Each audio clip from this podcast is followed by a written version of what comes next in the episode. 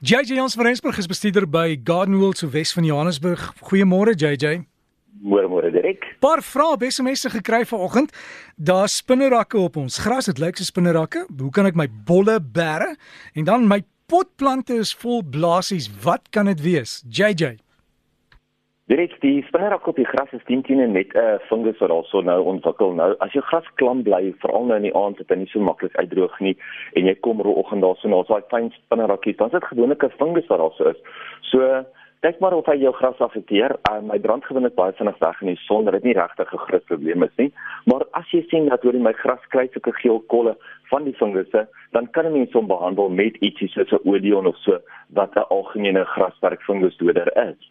Om jou bolle te bære is eintlik heel maklik. Maak seker dat jy jou bolle droog hou, maar ook nie te droog hou nie. So gewoonlik haal ons hulle uit, ons sit dit in 'n riviersand ergens in 'n soos 'n bierboks of een van hierdie plastiese ehm um, la krat kratte as ek dit kan noem en dan hou jy dit ergens in 'n koel cool area self as jy kan in 'n donker area. Gewoonlik is 'n motorhuis 'n baie goeie plek daarvoor.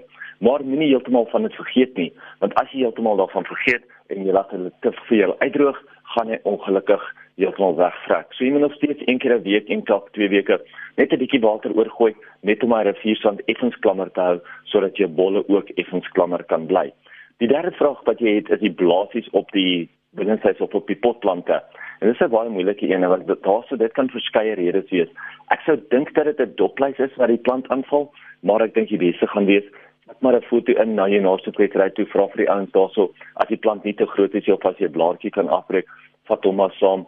Want ja jy kry nie regtig psilla en so op jou potplante nie maar ek dink dit mense dit nie sien nie gaan jy dit ook nie kan uh gaan jy dit ook nie kan uitskakel nie. So vat dit maar deur.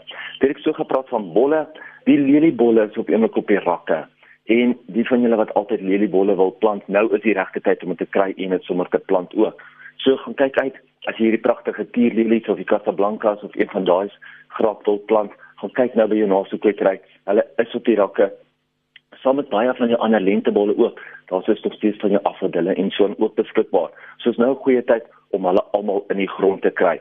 Soveel mense het nou hulle wintersaailinge geplant en as jy nie nou na jou wintersaailinge gaan kyk nie, gaan jy nie pragtige winterkleure kry nie. Want jou wintersaailinge is baie korter in die in die grond of 'n baie korter tydperk wat dit eintlik in jou tuin kan floreer.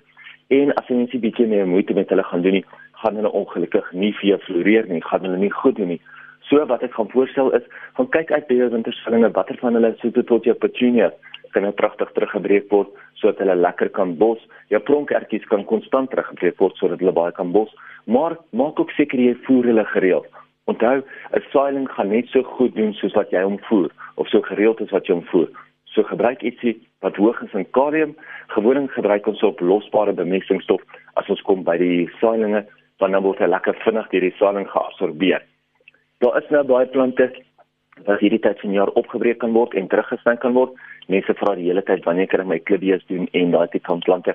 Maar as jy net kyk na baie van jou wilde irisse, baie van jou wilde knoffels en so voort, dis nou 'n baie goeie tyd om hulle te lig hulle uitmekaar uit te breek, die plante lekker terug te sny en hulle weer in die grond in te kry.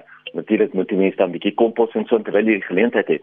Werklik kompos en jou beenmeel in om jou plante dan 'n baie goeie kans te gee om sterker en beter terug te groei na die opbreek van die plante. Ek het nou net gepraat van die voer van jou plant van jou wintersaailinge. Maar weet jy mense moenie nou al jou plante voer nie. Mens moet nou eintlik maar versigtig wees. Veral as jy nou nuwe groei aan um, aan aan jag gedurende die wintermaande is nie altyd 'n goeie ding nie. As jy nou jou plante voer, voer die wortels. Gebruik ietsie wat hoog is in fosfate, soos byvoorbeeld die gewone ou 232 is 'n baie goeie voorbeeld daarvan. Want daai 3 in die middel is die fosfate en dit is vir wortelontwikkeling. So forceer eerder nou jou wortels om sterker te ontwikkel as wat jy nou blare uh, probeer kry. So moenie nou iets gebruik wat hoog is in stikstof nie, want dan gaan jy meer blare aanjag as wat jy nou wortels aanjag kom ons werk nou eerder op die wortels. En dit is nou ook 'n baie goeie tyd van die jaar om nou jou potplante te verplant. Weet jy, potplante mense wonder altyd wanneer gaan mense hulle kan verplant en dit is nou 'n goeie tyd want dit is nou wanneer jou potplante rus en so ook jou bonsais. Almal van hulle is nou in rus. Hulle groei nie nou van uh, aktief nie, groei nie vinnig nie. Daar's nie nou baie sappe wat deur die plant beweeg nie. So meeste van die krag sit nou in die wortels en dit is nou dan wanneer 'n mens gaan en jy jou plante dan kan verplant as dit nodig is om dit te verplant. Baie kere is die plant al so potvol dat daar nie meer spasie is vir die wortels om te ontwikkel nie, die plant self ontwikkel nie en jy weet dat sonder daai grond, sonder daai beligting in die grond, sonder daai spasie vir die wortels om weer te groei, gaan hulle nie kan groei en ontwikkel nie. So wat jy nou doen is jy haal hom versigtig uit. Jy sny daai buitenste 10 tot 20% van die wortels af. Jy plant hom weer terug in die in die pot in dieselfde pot waar hy was of in 'n effens groter pot as dit nodig is met nuwe grond. En saam met dit gaan jy natuurlik baie nuwe voedingsstowwe inkry en baie nuwe suurstof want jy onthou jou plante moet baie lug in die grond kry anders kan hulle ook nie groei nie. Plant van die week vir hierdie week is die Pelargonium grandiflorum. Nou ek en jy ken hom aan die algemene volkstaal as die gesiggie malva. Nou die grandiflorum, onthou grandiflorum beteken 'n groot blom. Grandi is groot. Ehm so jy gaan dit is die malva met die groter blomme. Is ook daai een met die groot gekartelde blare wat effens haartjies op die blare het. So hy het nie die gladde blaar nie. Die blare het 'n lekker diep kepe en voue op hom. Dit is nou regtig, jy weet mense vra altyd het jy vir my ietsie wat in die volsvang kan groei, wat baie gehard is, wat baie blomme gee, wat nie wat wa water nodig het nie, wat waterwys is. En hierdie gesiggie malva, hierdie Pelargonium grandiflorum is eintlik 'n baie goeie roep daarvoor.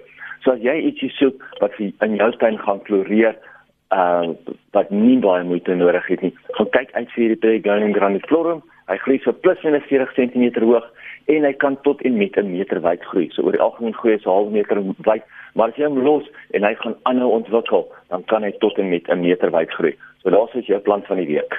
Baie dankie aan JJ Jans van Rensburg en iemand gesien ons hom volgende keer ook vra, weet hulle het kanas met sulke poeier op wat daaroor kan gesels. Maar as jy vir JJ wil e-pos is JJ by gardenworld.co.za. JJ by gardenworld.co.za. Lekker tuin maak.